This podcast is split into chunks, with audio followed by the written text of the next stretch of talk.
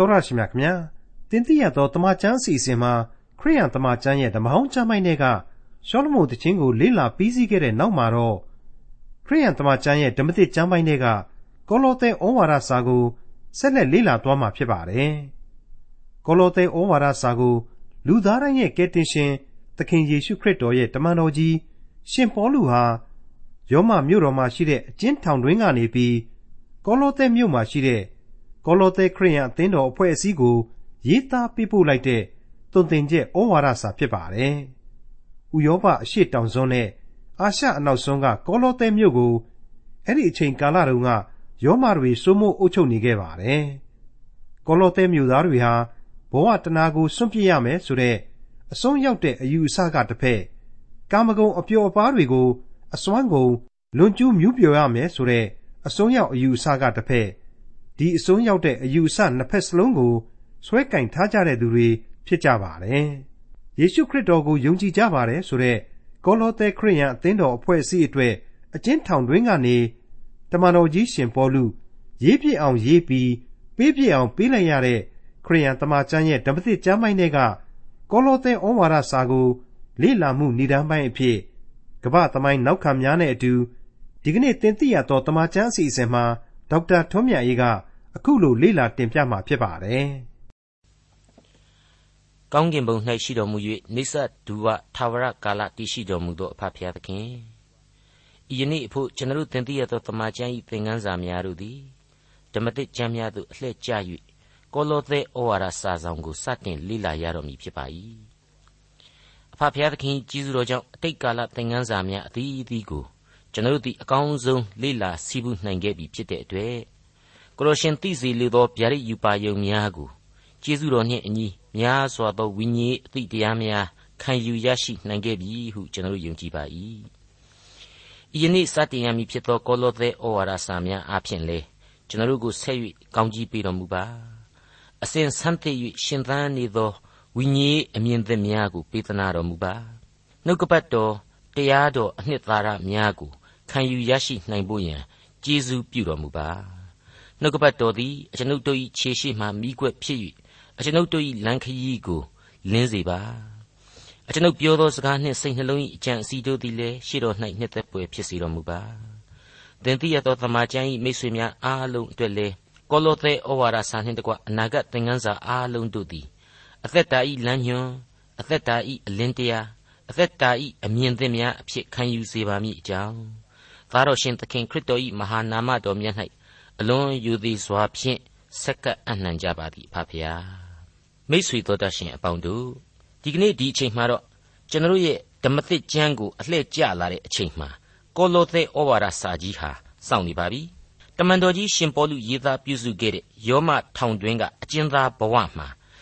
သူပြုစုရေးသားပေးပို့လိုက်တဲ့ဩဝါဒစာကြီး၄ဆောင်အနက်ဒီကောလောသဲဩဝါဒစာကြီးဟာတခုအပါအဝင်ဖြစ်တယ်လို့ကျွန်တော်တင်ပြခြင်းပါတယ်ဟုတ်ပါတယ် ဩဝါဒစာပေါင်းများစွာတဲ့အခုလို့သီးသန့်ထောင်တွင်းဩဝါဒစာ၄ဆောင်ဆိုပြီးတော့တစုတစည်းတွေသီးသန့်ဖော်ပြရတာအကြောင်းရှိနေပါတယ်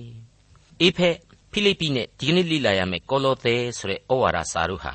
တမန်တော်ကြီးရှင်ပေါလုဆိုတဲ့ခရစ်တော်ရဲ့အစီကံကြီးဖျားသခင်ရဲ့တမန်တော်ကြီးဟာယောမမြို့တော်ကြီးကိုအဖမ်းခံရပြီးတော့ရောက်ရှိသွားတယ်အဲ့ဒီယောမမြို့တော်ကထောင်ကြီးတစ်ခုအတွင်းမှာပြုစုလိုက်တဲ့ဩဝါဒစာကြီးတွေဖြစ်တယ်။ မကြခင်ကျွန်တော်တို့ဆက်လက်ပြီးတော့နောက်ထပ်တွေ့ရအောင်မဲ့ဖိလိမုန်ဩဝါဒစာဆိုတာဟာလေဒီတိုင်းပဲ။လူပုဂ္ဂိုလ်တယောက်ဖြစ်တဲ့ဖိလိမုန်အတွက်ပုဂ္ဂိုလ်ရေးဆန်ဆန်ရေးသားပြုစုပေးလိုက်တဲ့ဩဝါဒစာတူကလေးအဖြစ်နဲ့ဆက်လက်ပူးတွဲပြီးတွေ့ရအောင်မှာဆိုတော့ထောင်တွင်းကဩဝါဒစာဟာစုစုပေါင်း၄ပုဒ်ဖြစ်လာတာပေါ့။ကျွန်တော်တို့အဖို့တမန်တော်ကြီးအကျဉ်းအကျပ်ကြားနေတဲ့အချိန်မှာရေးသားပြုစုလိုက်တဲ့ဒီဩဝါဒစာတွေဟာ အလွန်တရာအကျိုးကျေးဇူးကြီးမားတဲ့ဝိညာဉ်ခွန်အားသစ်တွေကိုဖြစ်စေတယ်ဆိုတာကိုလေကျွန်တော်ဟာဒီဩဝါဒစာတွေမတိုင်ခင်ကတည်းကဏိဒန်းအသီးသီးမှာဖော်ပြခဲ့ပြီးဖြစ်ပါတယ်မိတ်ဆွေအပေါင်းတို့ခမညာအတိတ်သမိုင်းကိုမိတ်ဆွေတို့ပြန်ပြီးတော့စဉ်းစားကြည့်ပါအဲ့ဒီအချိန်ကာလဟာကမ္ဘာသမိုင်းနဲ့နှိုင်းယှဉ်ပြီးကြည့်လိုက်မယ်ဆိုရင်လေ AD 62ခုနှစ်လောက်လို့ကျွန်တော်တို့ခန့်မှန်းပါတယ်ခရစ်တော် ကောင်းကင်ဘုံကိုပြန်လဲတက်ကြွပြီးတော့ဘုံတော်ဝင်စားပြီးတဲ့နောက်ပိုင်းနှစ်ပေါင်း30ခန့်အချိန်လောက်လို့ကျွန်တော်တို့ခန့်မှန်းပါတယ်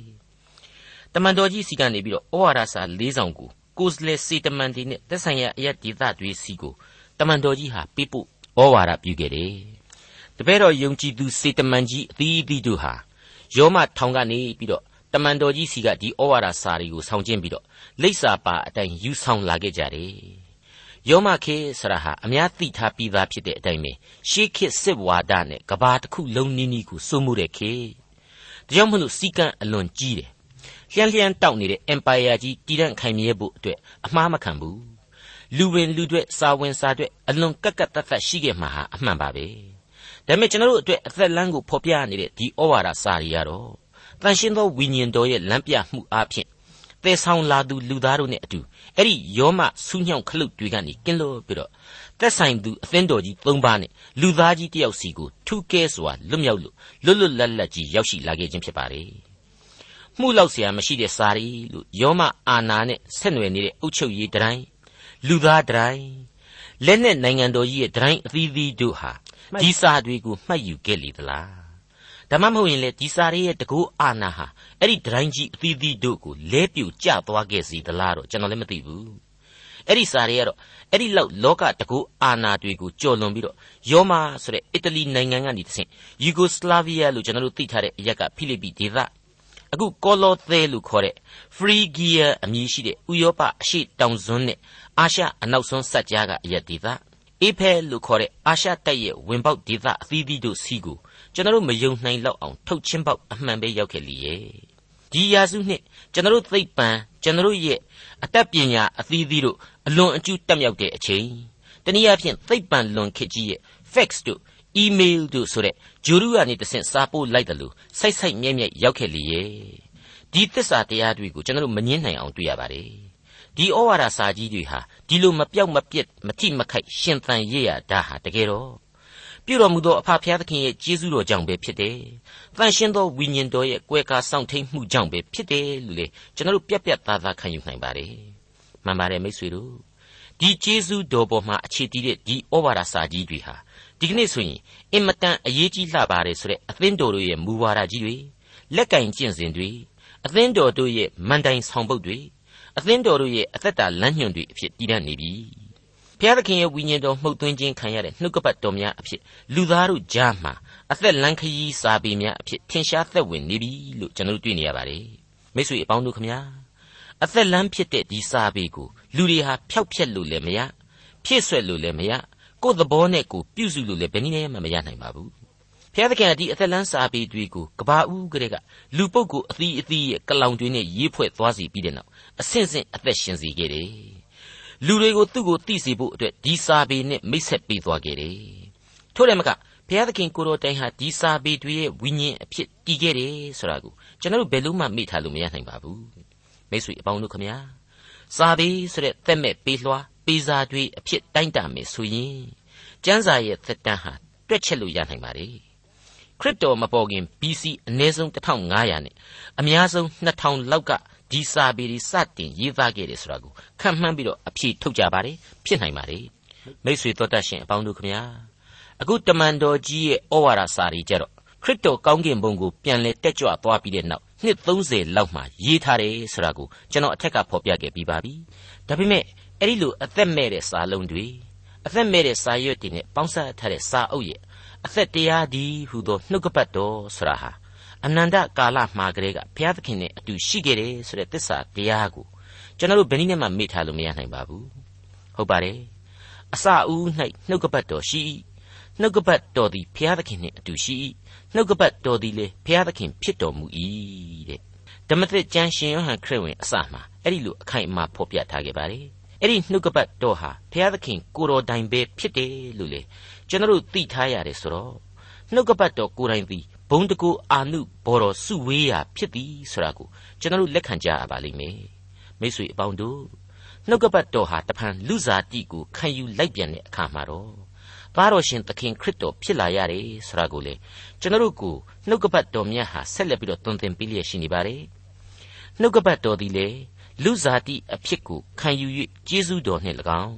သစ္စာတော်နှင့်၎င်းပြည့်စုံလျက်ငါတို့တွင်တည်နေတော်မူသည်ဖြစ်၍ ခမည်းတော်၌တပါးရီသောသားတော်ဤဘုံကဲ့သို့သူဤဘုံကိုငါတို့သည်မြင်ရကြပြီတဲ့တအဲ့ဒါဟာအစာဦး၌ဖျားသခင်နှင့်အတူရှိတယ်ဖျားသခင်ဖြစ်တော်မူတယ်ဆိုတဲ့ဒီနှုတ်ကပတ်တော်အသက်လန်းဆိုတာဟာလူစားတိကိုခံယူလိုက်ပြန်တဲ့အချိန်မှာခရစ်တော်ကိုယ်တိုင်ဖြစ်သွားရတယ်ဆိုတာကိုဖော်ပြလျက်ရှိနေပါတယ်မိတ်ဆွေအပေါင်းတို့ခမညာ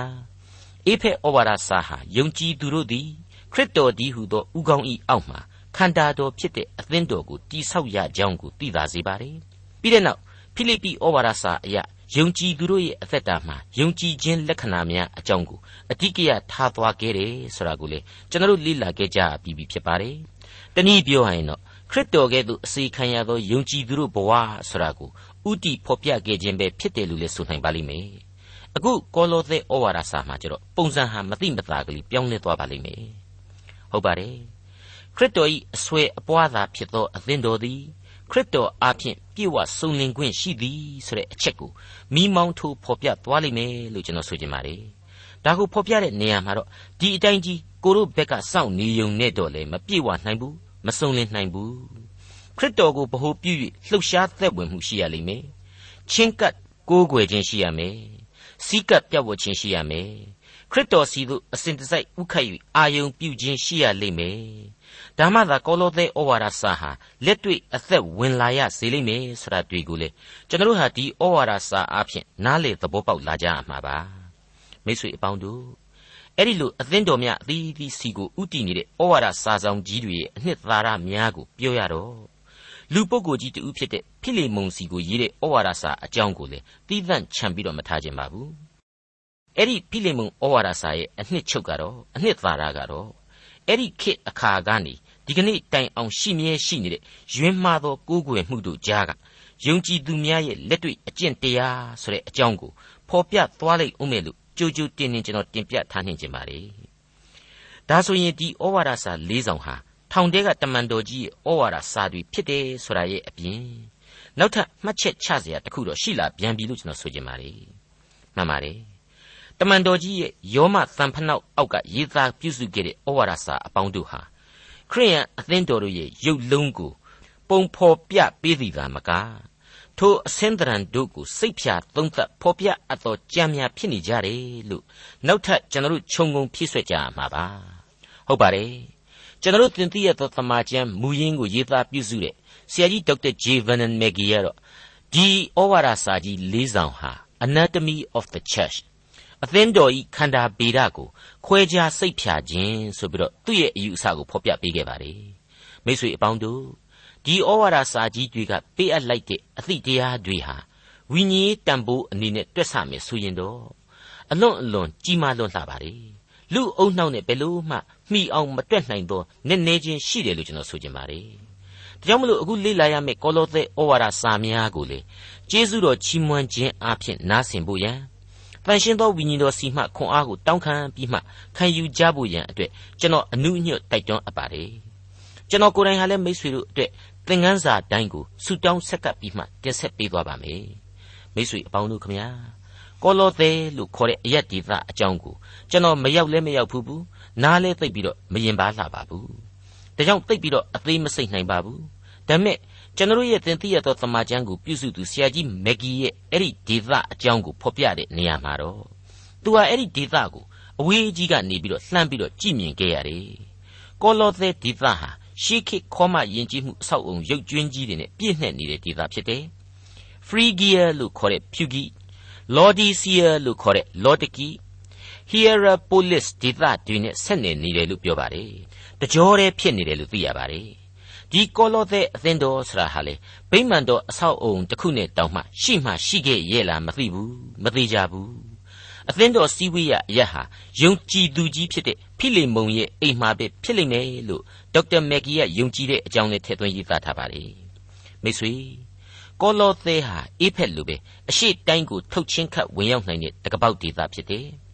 သူ့ကိုသမိုင်းဆရာတချို့ကတော့ Gates of Phrygia သို့မဟုတ် ဖြုတ်ကိအယက်ဒေသကတကပေါက်များရှိတဲ့အယက်ဒေသလို့လည်းခေါ်ဝေါ်ကြပါတယ်။တင်စားကြပါတယ်။တနည်းအားဖြင့်အရှိနဲ့အနောက်တို့လမ်းဆုံရာအယက်ဖြစ်တယ်။ဒါကြောင့်ကောရိန္သုအေဖက်တို့လိုပဲအလွန်စီကားရာအယက်တစ်ခုလည်းဖြစ်ပါတယ်။အပျော်အပါးတွေဟာလည်းအလွန်များပါတယ်။ယောမအာနာဟာလည်းအဲ့ဒီအရက်မှာအာပြုပြီးတော့အရှိဘက်ကိုဆက်လက်ချက်ထွင်ခဲ့တာပဲဖြစ်တယ်လို့ဝေဖန်သုံးသပ်ကြပါတယ်။အဲ့ဒီလိုပါပဲ အရှိတိုင်းဘက်စီကယဉ်ကျေးမှုတွေအနောက်ဘက်ကိုထိုးဖောက်လာတာဟာလေအဲ့ဒီကောလောသဲဒေသဘက်ကပဲဖြစ်တယ်လို့ဆိုပြန်ပါလေဒီတော့အဲ့ဒီဒေသဟာယဉ်ကျေးမှုအမှုပညာတို့ပေါင်းစုကိုးကွယ်မှုတို့အကြီးအကျယ်ရှုပ်ထွေးခဲ့တယ်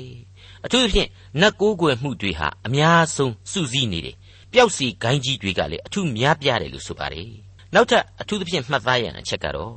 ယောမဩဝါဒစာဆိုတာကိုတမန်တော်ကြီးဟာရေးသားပေးပို့လိုက်တဲ့အချိန်မှာ ယောမကိုတကယ်မရောက်ဘူးသေးဘဲနဲ့သူရေးသားပေးပို့ခဲ့ခြင်းဖြစ်ခဲ့တယ်လို့အခုကောလောသဲအသင်းတော်စီကိုလေသူဟာရောက်ဖူးခဲ့ခြင်းမရှိဘူးအဲ့ဒီလိုကိုယ်တိုင်မရောက်ဖူးပဲနဲ့ရေးသားပေးပို့လိုက်တဲ့ဩဝါဒစာကြီးပဲဖြစ်တယ်လို့ဆိုပါတယ်ယောမအသင်းတော်ဆိုတာဟာတမန်တော်ကြီးရဲ့အခြားအရက်တွေမှာသာသနာပြုရင်းနဲ့ယုံကြည်ခြင်းပြောင်းလဲသွားတဲ့လူတွေကနေပြီးတော့ ယောမစီကိုတစုတဝေးတည်းသွားရောက်ပြီးတော့အသင်းတော်တည်ကြတာပဲဆိုတော့ဒါဟာတမန်တော်ကြီးကနေပြီးတော့အဝေးကနေလှမ်းပြီးတော့အသင်းတော်တည်ပေးခဲ့တာ ਨੇ အတူတူပဲဖြစ်ခဲ့လိမ့်မယ်အဲ့ဒါကိုကလေဒီယောမဩဝါဒစာကြီးရဲ့ကြီးမားလှစွာသောဝိညာဉ်ရေးတန်ဖိုးကိုဖော်ပြပေးနေတာပဲလို့ဆိုနိုင်ပါတယ်အဲ့ဒီအတိုင်းပါပဲ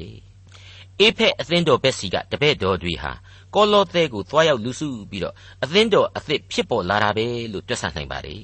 ရေကြီးရာမျက်နှူရာဆိုပြီးတော့ပြောင်းရွှေ့ အဲ့ဒီရောက်တော့မှတို့ယုံကြည်သူတွေအချင်းချင်းအသင်းတော်တည်ကြစို့ဆိုပြီးတည်တဲ့သဘောမျိုးပေါ့လူတိကိအယတ်မှာတမန်တော်ကြီးကြောင့်ယုံကြည်ခြင်းပြောင်းလဲသူတွေဟာလည်းအများကြီးရှိခဲ့တယ်အဲ့ဒီပုံကိုယ်တွေဟာလည်းဒီတိုင်းပဲအဲ့ဒီလောတိကိကနေပြီးတော့ကောလောသဲအယတ်ဒေသကိုရွှေ့ပြောင်းပြီးတော့အေဖက်လောတိကိအယတ်သားတွေရဲ့စုပေါင်းလိုက်သောကောလောသဲအသင်းတော်ကြီးဆိုပြီးတော့ဖြစ်လာနိုင်ပါလေမိတ်ဆွေအပေါင်းတို့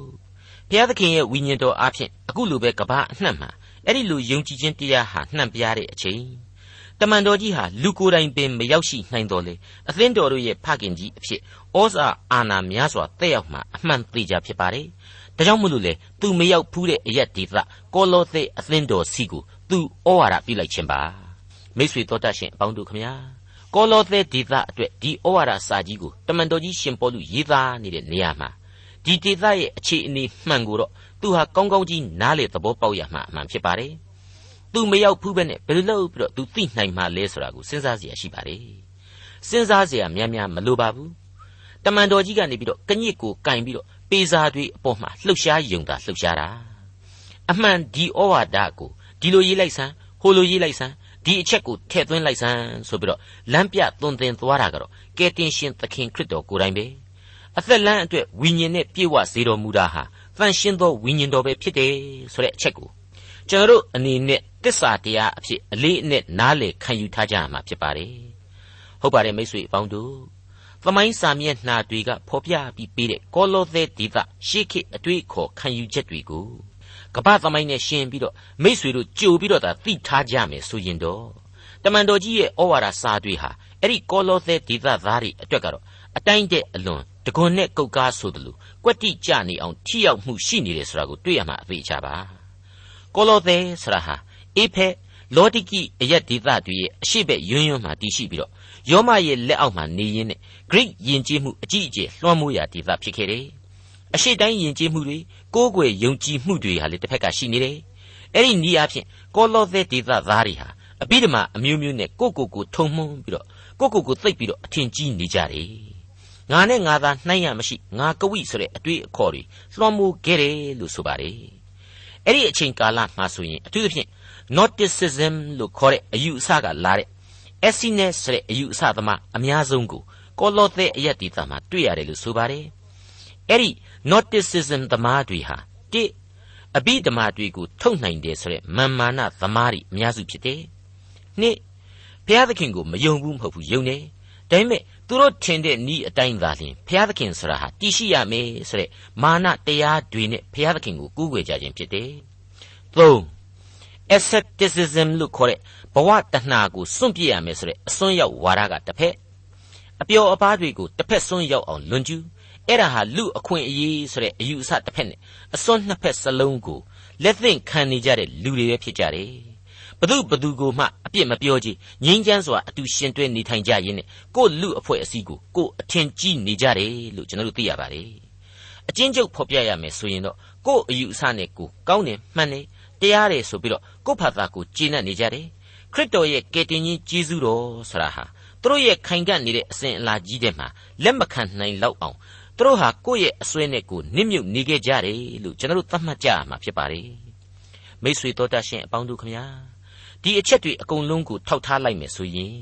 ကောလောသဲအယက်ဒေသဆိုတာဟာသိပ်ပြီးတော့အထင်သေးလို့မရတဲ့လူအဖွဲ့အစည်းကြီးတီရအယက်ဒေသလူသားတို့ရဲ့အာမန်နဲ့လူသားတို့အထင်ကြီးနေတဲ့အယက်ဒေသမှန်သိတာထင်ရှားနေပါတယ်ဆိုလိုတာကတော့အဲ့ဒီခေတ်အဲ့ဒီအချိန်ကာလမှာသူ့အတွေးအခေါ်နဲ့သူမှိန်ပြီးတော့နေတဲ့ဒေသမိန်မောနေတဲ့ဒေသဖြစ်တယ်သူတို့ရဲ့အစွဲအလန်းတွေကိုယ်တိုင်ဟာသူတို့ရဲ့ဘာသာရေးကိုးကွယ်မှုကိုခိုင်ခံ့နေစေတယ်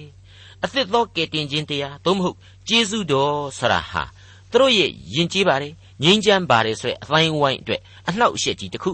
ကပြည့်ရပြည့်လုံးမဲ့တရားသစ်ကြီးတစ်ခုလို့သူတို့ခံယူခဲ့ကြမှာဧကန်အမှန်ပဲဖြစ်တယ်လို့ကျွန်တော်အကြံပြင်းသဘောပေါက်ထားကြမှာဖြစ်ပါတယ်မိတ်ဆွေအပေါင်းတို့ခမညာအဲ့ဒီလိုတရသေးဒေသလို့ဆိုနေနိုင်တဲ့နေရာမှာ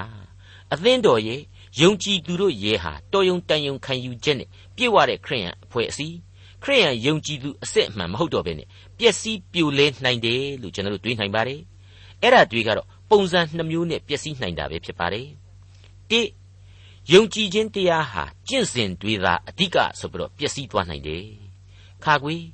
ယုံကြည်ခြင်းတရားမှသည်အတွေးအခေါ်များဆိုပြီးတော့ဆက်လက်ပျက်စီးသွားနိုင်ပါတယ်ဟုတ်ပါတယ်မိတ်ဆွေအပေါင်းတို့ခရစ်တော်ကယ်တင်ရှင်ကိုယုံကြည်ခြင်းဆိုတာဟာအဆောင်အယောင်အခမ်းအနားတွေ မူသေးနီးဗျူဟာတွေနဲ့ယုံကြည်ကိုးကွယ်ရတဲ့အမျိုးအစားမဟုတ်ဘုရားသခင်ရဲ့ကျေးဇူးတရားကိုလက်ခံဂယုနာတော်ကိုအောက်မိကိုကိုကိုအနှံကျေးဇူးတော်ကိုတုံ့ပြန်ဆိုတဲ့အလွန်သဘာဝကျတဲ့ယုံကြည်ခြင်းအကျင့်တရားမှအခြေခံပါတယ်အရှိကိုမျက်နှာမူအနောက်ကိုကြောပြုပါဇက်ကဟာလေလုယငါးကရွတ်အိယာဝင်ပထနာတော်၃ခေါက်နဲ့ဆာလံ23ခုမြန်မာလို2ကြိမ်အင်္ဂလိပ်လို2ကြိမ်အလွတ်ရွတ်အာမင်းလေးကဆိုရမယ်ဆိုတာမျိုးတွေနဲ့ သတ်မှတ်ရတဲ့ကိုးကွယ်ဝတ်ပြုခြင်းမျိုးမဟုတ်ဘူးဆိုတာကိုကျွန်တော်နားလည်ထားဖို့လိုပါတယ်အဲ့ဒီအတိုင်းသာရှေးကာလကနဦးအသင်းတော်ကြီးတွေဟာကျင့်သုံးခဲ့မယ်ဆိုရင်ဒီကနေ့ကျွန်တော်ရဲ့ယုံကြည်ခြင်းတရားဟာပုံသေးဖြစ်နေတဲ့လောကရတရားကြီးလို့ဖြစ်ခဲ့လိမ့်မယ်လို့ကျွန်တော်ဆိုချင်ပါတယ်တနည်းအားဖြင့်ဒါဟာရေခဲတုံးကဲ့သို့သောယုံကြည်ခြင်းပေါ့အဲ့ဒီလိုပါပဲ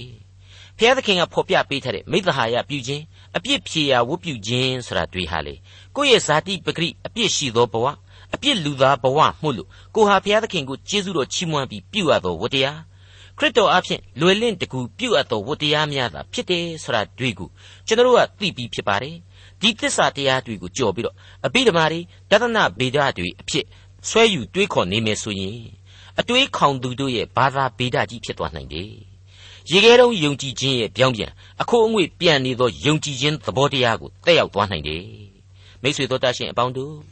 အဲ့ဒီအစွန်းနှစ်ပါးစီကိုရောက်မသွားအောင်လို့တမန်တော်ကြီးဒီဩဝါဒစာကိုရေးကိုရေးရပါလိမ့်မယ်ခရစ်တော်ကိုယုံကြည်ခြင်းဆိုတာဟာသင်္ချာတပုတ်မဟုတ်ပါဘူးအပေါင်းအနှုတ်အမြောက်အစားတွေနဲ့လူတိုးပူလျှော့လှုပ်လို့ရစကောင်းတယ်လည်းမရှိပါဘူးမိမိတို့ဘက်ကဝိညာဉ်ခွန်အားအပြည့်အဝနဲ့ယုံကြည်ရင်ဘုရားသခင်ဟာလည်းကိုယ့်အတွက်ယာနှုံးပြည့်တည်မိနေမှအသေးချာဖြစ်ပါတယ်ဒါကိုဒီဩဝါဒစာကြီးရဲ့အခန်းကြီး2အငယ်9မှာရှင်ပေါလုပြက်ပြက်သားသားဖော်ပြထားပါတယ်အကြောင်းမူကား ဘုရားသခင်ဤဇာတိအဖြစ်တော်ဤပြည့်စုံခြင်းအပေါင်းသည်ခရစ်တော်၌ကိုထင်ရှား၍ကျင့်ဝတ်တော်မူ၏ရဲ့လို့ဖြစ်ပါတယ်တခါအငယ်30မှာဆက်လက်ဖော်ပြလိုက်တာကတော့အထွတ်အမြတ်အာနာစက်ရှိသမျှတို့ကိုအုပ်ဆိုးတော်မူသောထိုသခင်၌သင်တို့သည်စုံလင်ခြင်းရှိကြ၏တဲ့စုံလင်ခြင်းအမှန်ရှိပါတယ်မိတ်ဆွေအသင်ချေအသင်ချာဖြစ်တဲ့ဒီသစ္စာတရားဟာကျွန်တော်မိတ်ဆွေတို့ရဲ့အသက်တာမှာအလိုအဆုံးသောအရာဖြစ်တဲ့အတွက်ကြောင့် ထိုသခင်ဖြစ်သောခရစ်တော်၌ကျွန်တော်တို့ကျမတို့စုံလင်ခြင်းရှိဖို့ရန်အတွက်ဒီဩဝါဒစာဟာအရေးကြီးလာပါတယ်မိတ်ဆွေတော်တတ်ရှင်အပေါင်းတို့လွန်ခဲ့တဲ့နှစ်2000ခန်းကအယက်ဒေသတစ်ခုရဲ့ရုပ်ပိုင်းအခြေအနေတွေကိုရုပ်လုံးဖော်ရမှာအသေးမစိတ်နိုင်ဘူးဆိုပေမယ့်အဲ့ဒီဒေသအတွက်ပြုလိုက်တဲ့ဒီဩဝါဒစာပေကြီးအဖြစ်ကတော့မိษွေတို့ကျွန်တော်တို့ဟာနှစ်2000သာခြားတယ် မကွာလှတဲ့လူသားတို့ရဲ့အားနည်းချက်အသီးသီးတို့အပေါ်မှာဒီဩဝါဒစာဟာဘယ်လိုဘယ်လိုလွှမ်းမိုးပြီးတော့ပဲ့ပြင်တက်မှတ်ပေးသွားလိမ့်မယ်ကျွန်တော်တို့ကျမတို့အတွက်ပါဘလောက်တောင်သက်ဆိုင်နေတယ်ဆိုတာကိုခန်းစားရစေလိမ့်မှာအမှန်ပဲလို့ကျွန်တော်အာမခံနေပါတယ်ဝီလျံဆန်ဒီဆိုတဲ့ပုဂ္ဂိုလ်ကြီးကအေဖက်ဩဝါဒစာသည်အသင်းတော်ကိုဗဟိုပြု၍ခရစ်တော်ကိုချီးမွမ်းသောဩဝါဒကောလောသဲဩဝါဒစာသည်ခရစ်တော်ကိုဗဟိုပြု၍ အသင်းတော်ကိုသွန်သင်သောဩဝါဒလို့မှတ်ချက်ချထားပါတယ်။ဒါကိုတော့ဒီဩဝါဒစာကိုလေ့လာရင်းနဲ့အသေးစိတ်ဆက်ပြီးတော့ကျွန်တော်တို့တွေ့ကြမှာဖြစ်ပါတယ်။ကျွန်တော်အနေနဲ့အသေးစိတ်မှတ်ချက်မချလိုပါဘူး Charles Spurgeon ဆိုတဲ့ပုဂ္ဂိုလ်ကြီးကလည်းပဲကိုဟာဘာမှအဟုတ်မဟုတ်တဲ့လူတစ်ယောက်ဆိုတာကိုကိုကိုကိုနားလေသဘောပေါက်ပြီးတော့နှိမ်ချစွာနဲ့ယေရှုကိုမျှော်ကြည့်ရင်းခွန်အားကိုရယူကြပါထို့တယ်မကယေရှု၌မြဲမြံတည်တံ့သည့်တိုင်အောင် တိုးဝှေ့ခိုလှုံရန်ကြိုးစားအားထုတ်သည်နှင့်တပြိုင်နက်နှုတ်ကပတ်တော်စာပေဟာမိမိတို့ကိုအဟုတ်မဟုတ်သောလူသားများဘဝကနေပြီးတော့အဟုတ်ဟုတ်သောလူသားတစ်ယောက်ဖြစ်လာအောင်ပြုပြင်ပေးသွားလိမ့်မည်အမှန်ဆိုပြီးတော့ဖော်ပြထားပူပါတယ်မိတ်ဆွေအပေါင်းတို့မိတ်ဆွေတို့ကျွန်တော်တို့အထက်မှာခရစ်တော်တည်ရှိနေစေဖို့ရန်စိတ်ဝိညာဉ်ခွန်အားများနဲ့နှလုံးသားတကားများကိုကျဲစွာဖွင့်ထားကြပါကျေးဇူးတော်အားဖြင့်အလွန်လွတ်လပ်စွာရှင်သန်ရတဲ့အသက်တာမှာ ကျဉ်းကျဉ်းကြက်ကြက်ကျင့်သုံးစရာနီးနိတ်တရားတွေနဲ့နီးဗျူဟာတွေမလိုပါဘူးတရဏအတွေ့အခေါ်ကြီးတွေကိုလည်းအုံနှောက်အလုတ်ပေးပြီးတော့စဉ်းစားနေစရာမလိုပါဘူးအတွေးခေါင်နေစရာမလိုပါဘူးစိတ်ဝိညာဉ်ကိုအကြည်လင်အေးမြဆုံးဖြစ်အောင်ငြိမ်သက်စွာထားပြီးတော့ရိုးရိုးရှင်းရှင်းကလေးပဲစဉ်းစားကြပါနှုတ်ကပတ်တော်ဟာဘုရားသခင်ဤစကားသံဟုတ်မဟုတ်အသက်ဆန်းရည်ကို ပေးစွန်းနိုင်ခြင်းရှိမရှိဆိုတဲ့အချက်တွေးကိုမိษွေတို့စဉ်းစားဆုံးဖြတ်နိုင်ပါလိမ့်မယ်လို့ကျွန်တော်တင်ပြခြင်းပါတယ်မိษွေကယ်တင်ရှင်သခင်ခရစ်တော်ဟာသိုးရင်းကြီးအဖြစ်သူ့ကိုယ်ကိုသူဖော်ပြပေးခဲ့တယ်လို့ကျွန်တော်တို့ကိုသိုးများအဖြစ်သူဟာကျွေးမွေးတယ်လမ်းပြတယ်စောင့်ထိန်ပေးပါတယ်ကျွန်တော်တို့ဟာသခင်စီကိုတိုးဝင်ရင်ဆင်စီးပြီးတော့မြင်းရံပြီးတော့မဝင်ကျင်ကြပါနဲ့သိုးတငယ်လေးများလိုပဲဝင်ကြပါမိတ်ဆွေအပေါင်းတို့ ဒီကနေ့ဒီကဘာဟာပြဿနာပေါင်းများစွာနဲ့ဝိုင်းဝိုင်းလဲနေတဲ့ကဘာဖြစ်နေပါတယ်တိုးတက်မှုပေါင်းများစွာနဲ့အတူဆုပ်ယုပ်ခြင်းတွေဟာလေအနန္တဖြစ်နေပါတယ်လူသားအပေါင်းတို့ရဲ့စိတ်ဝိညာဉ်များဟာကိုကိုယ်တိုင်မသိတဲ့အာဟာရအသီးသီးကိုဆာငတ်ခင်မို့လို့နေကြတဲ့အချိန်အာရတောင့်တနေကြတဲ့အချိန်ကဲတင်ချင်းတရားကိုသယ်ဆောင်လာတဲ့ကျေးဇူးနဲ့ဂရုနာတော်စီမွှေးရနံ့ကိုအသင်းတော်များဟာကဘာကြီးတဲ့သို့ဖြန့်ဝေပေးနိုင်ပါတယ်ဟုတ်ပါတယ် ဒီကျေးဇူးတော်ယနံ့ကိုဖြန့်ဝေခွင့်ရှိတဲ့တခုတည်းသောအဖွဲ့အစည်းဟာခရစ်တော်၌တည်သောအသင်းတော်အဖွဲ့အစည်းသာဖြစ်ပါတယ်ဒီအသင်းတော်အတွက်နောက်ထပ်ဝိညာဉ်အင်အားများကိုကောလောသဲဩဝါဒစာဟာဆက်လက်ပေးအပ်ဖို့ရှေ့မှာအသင့်ဆောင်လျက်နေကြောင်းပါခင်ဗျာဒေါက်တာထွန်းမြတ်၏စီစဉ်တင်ဆက်တဲ့သင်သိရသောတမချန်းအစီအစဉ်ဖြစ်ပါတယ်။နောက်တစ်ချိန်အစီအစဉ်မှာခရိယန်တမချန်းရဲ့ဓမ္မသစ်ကျမ်းပိုင်းတွေကကိုလောသဲဩဝါဒစာအခန်းကြီး1 အခန်းငယ်1ကနေအခန်းငယ်8အထိကို လေ့လာမှဖြစ်တဲ့အတွက်စောင့်မျှော်နားဆင်နိုင်ပါတယ်။